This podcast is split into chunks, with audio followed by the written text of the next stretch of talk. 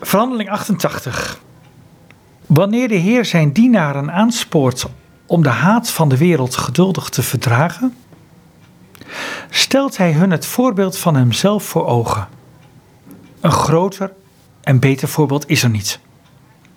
Want, zoals de apostel Peter zegt, Christus heeft geleden om onzentwil en ons daarmee een voorbeeld gegeven, opdat wij in zijn voetsporen zouden treden.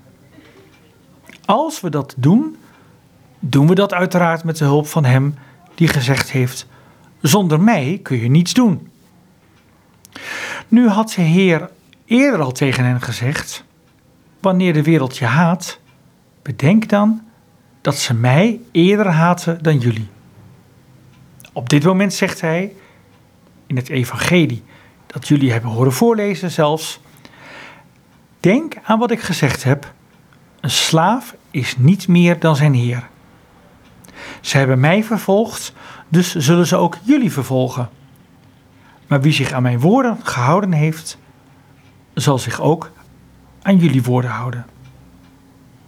De Heer zegt dus: een slaaf is niet meer dan zijn heer.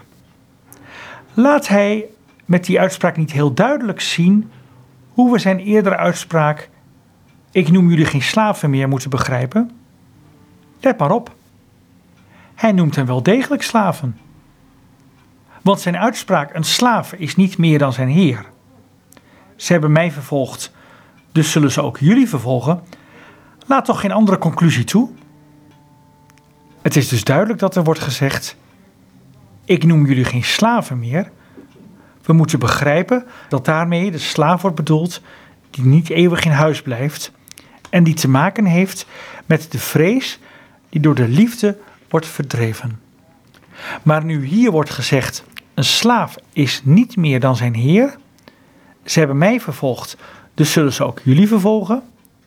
Wordt op de slaaf gedoeld die te maken heeft met de zuivere vrees die eeuwig blijft bestaan.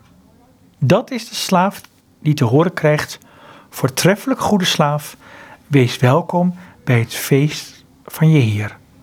Toch even een opmerking. Waar het Augustins om te doen is, is dat de slaaf wordt afgelegd die alleen maar angst voelt en angst en beven uh, van de Heer. Niettemin blijft Jezus zijn dienaren ook slaaf noemen, omdat hij erop vertrouwt en hen ook meegeeft dat zij een slaaf in een nieuwe gestalte zullen worden, die vervuld zijn van liefde voor de Heer en geen, niet meer met angst te maken hebben. Ik zeg het wel eens met een eigen voorbeeld. Als het om de liefde voor de gerechtigheid gaat, je kunt je houden aan het gezag en aan de snelheidsbeperking van 50 kilometer louter uit angst om een boete te krijgen, dan zit je, zal ik maar zeggen, volgens de, de oude opvattingen en, en uh, leef je in vrees, in een verkeerde vrees, uit angst voor de overheid. Maar je kunt je ook houden aan de maximumsnelheid, omdat die is ingesteld om, ik noem maar wat, om voor de veiligheid binnen de bouwde kom, uit eerbied voor kwetsbare mensen die daar rond kunnen lopen of rond kunnen spelen, of uit eh, milieuoverwegingen, omdat je nu eenmaal minder eh, uitlaatgassen uitblaast met je auto. En dan speelt veel meer de positieve toon, de hoogachting voor de gerechtigheid eh, speelt een rol. En het gaat om die positieve drive. Augustin zegt nu van nu de slavernij met negatieve impuls die wordt door Jezus afgeschaft en vrij verkondigd. De nieuwe slavernij, die vervuld is van liefde voor God, die wordt aangekondigd. En dan staat er aan het eind van wees welkom bij het feestmaal van je Heer. Dus hij bereidt ook iets voor voor ons. het, is, het is niet zomaar van, nou ja, goed, uh, Nee, nee dus uh, inderdaad is een mooi perspectief in het vooruitzicht. Waarbij natuurlijk ook duidelijk wordt dat, dat uh, alle verschillen tussen die heer en die slaaf bijna wegvalt. Want je wordt disgenoten van elkaar. Sterker nog, er vindt hoogachting plaats. Want wie wordt de voeten gewassen? Die slaaf wordt de voeten gewassen door, door uh, de gastheer zelf. Ja. Dus dan zie je de omkering. Ik ga door met Augustinus. Dit alles, zegt hij, zullen ze jullie vanwege mijn naam aandoen omdat ze Hem niet kennen die mij gezonden heeft. Welke dingen zullen ze allemaal doen? Niets anders dan wat Hij genoemd heeft. Ze zullen haten, vervolgen en woorden naast zich neerleggen. Want als ze zonder hen te haten en zonder hen te vervolgen zich niet aan hun woorden zouden houden, of als ze hen wel zouden haten, maar zonder hen te vervolgen, dan zouden ze niet dit alles doen. Maar dit alles zullen ze jullie vanwege mijn naam aandoen. Kan dat iets anders betekenen dan ze zullen in jullie persoon mij haten, in jullie persoon mij vervolgen en zich niet aan jullie woorden houden, omdat het de mijne zijn. Want dit alles zullen ze jullie aandoen vanwege mijn naam, niet die van jullie, nee, die van mij. Wie anderen die dingen aandoet vanwege deze naam, zal dus net zo ongelukkig zijn als degene gelukkig is die vanwege deze naam die dingen ondergaat. Zoals de Heer zelf ergens anders zegt: Gelukkig wie vanwege de gerechtigheid vervolgd worden. Dat gebeurt immers vanwege mij of vanwege mijn naam. Want zoals de apostel Paulus leert, dankzij God is Christus onze wijsheid geworden. Door Hem worden wij rechtvaardig en heilig en door Hem worden wij verlost, opdat het zal zijn zoals geschreven staat. Wil iemand zich op iets beroemen, laat hij zich op de Heer beroemen.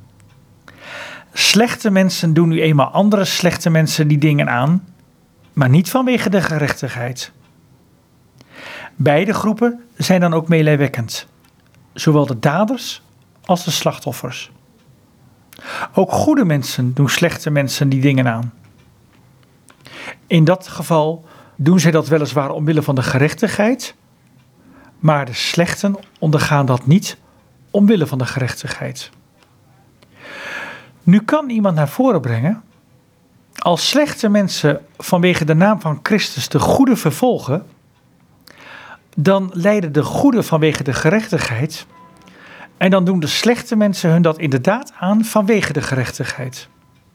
Als dat zo is, en de goede vanwege de gerechtigheid de slechte vervolgen, dan lijden dus ook de slechte mensen vanwege de gerechtigheid.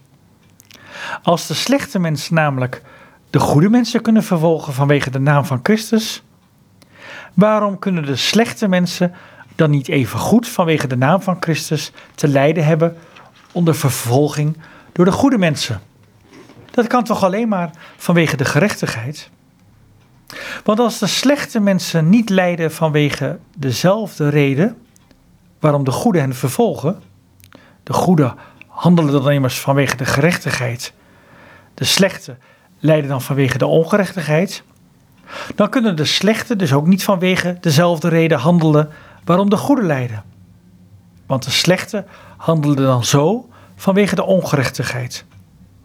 De goede lijden dan vanwege de gerechtigheid.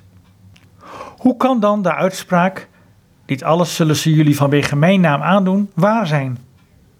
Want de slechte mensen handelen dan niet vanwege de naam van Christus, dus vanwege de gerechtigheid, maar vanwege hun eigen onrechtvaardigheid. Dit probleem is als volgt op te lossen. Als we de uitspraak, dit alles zullen ze jullie vanwege mijn naam aandoen, zo opvatten dat hij helemaal betrekking heeft op de rechtvaardige, alsof er gezegd was, dit alles zullen jullie van hen te verduren hebben vanwege mijn naam? Dan betekent de uitspraak, ze zullen jullie aandoen hetzelfde als jullie hebben van hen te verduren. Maar als je de woorden vanwege mijn naam opvat, alsof de Heer zei, vanwege mijn naam die ze in jullie haten, kun je het ook opvatten als vanwege de gerechtigheid die ze in jullie haten. En van daaruit kun je dan van de goede wanneer ze de slechte vervolgen, met recht zeggen dat ze dat zowel doen vanwege de gerechtigheid, uit liefde daarvoor vervolgen ze de slechte, als vanwege de ongerechtigheid die ze in diezelfde slechte mensen haten. Zo kun je dus van de slechte zeggen dat ze enerzijds lijden vanwege de ongerechtigheid die in hen gestraft wordt, en anderzijds vanwege de gerechtigheid die in hun bestraffing wordt uitgevoerd.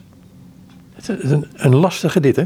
Uh, dit is zeker een lastige. Maar het heeft natuurlijk alles te maken met waar uh, Augustinus op zin speelt. Die, die, die kwestie rond die donatisten, die heel verwante christenen zijn aan de katholieke christenen in Noord-Afrika.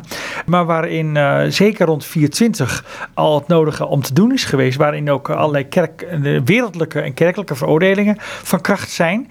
En waar Augustinus in dit boek hoogst zelden nog op terugkomt. Dus het in deel 1, deel 1 komt hij daar veel op terug.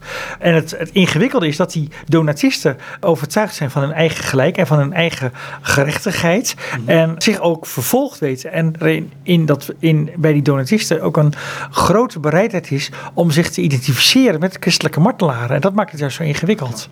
Ik ga door met Augustinus. Paragraaf 4 van verhandeling 88. Zo kan ook de volgende vraag worden gesteld. We zien dat zelfs slechte mensen vervolging instellen tegen slechte mensen, zoals goddeloze koningen en rechters.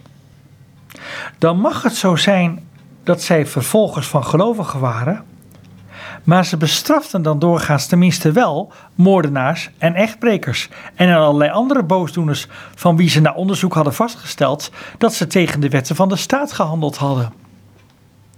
Hoe moeten we dan uitleggen wat Christus zegt? Als jullie bij de wereld zouden horen, zou ze jullie hebben liefgehad als iets van haarzelf. Want de wereld waarvan we zien dat ze de genoemde soorten wandaden meestal wel straft, heeft degene die ze straft niet lief. Of het moest zijn dat de wereld bestaat uit mensen die zulke misdaden bestraffen en mensen die zulke vergrijpen lief hebben. Die wereld dus, waaronder wordt verstaan de wereld die bestaat uit slechte en goddeloze mensen, haat aan de ene kant wat bij haar hoort, als je beziet vanuit een groep mensen die de misdadiger schade toebrengt, en heeft aan de andere kant lief wat bij haar hoort als je beziet vanuit de mensen die het voor diezelfde misdadigers opneemt. Met de woorden: Dit alles zullen zij jullie vanwege mijn naam aandoen, is dus ofwel bedoeld vanwege die naam lijden jullie, ofwel vanwege die naam doen zij jullie dat aan omdat ze die naam zo haten in jullie terwijl ze jullie vervolgen. En de Heer voegde nog toe, omdat ze hem niet kennen die mij gezonden heeft. We moeten begrijpen dat deze woorden aansluiten op de kennis waarover elders ook geschreven is. U kennen, dat getuigt van een volmaakt inzicht. Wie dankzij die kennis de Vader kennen, door wie Christus gezonden is, zullen dan ook absoluut niet degene vervolgen die Christus bijeenbrengt. Zij worden immers ook zelf, samen met die anderen, door Christus bijeengebracht.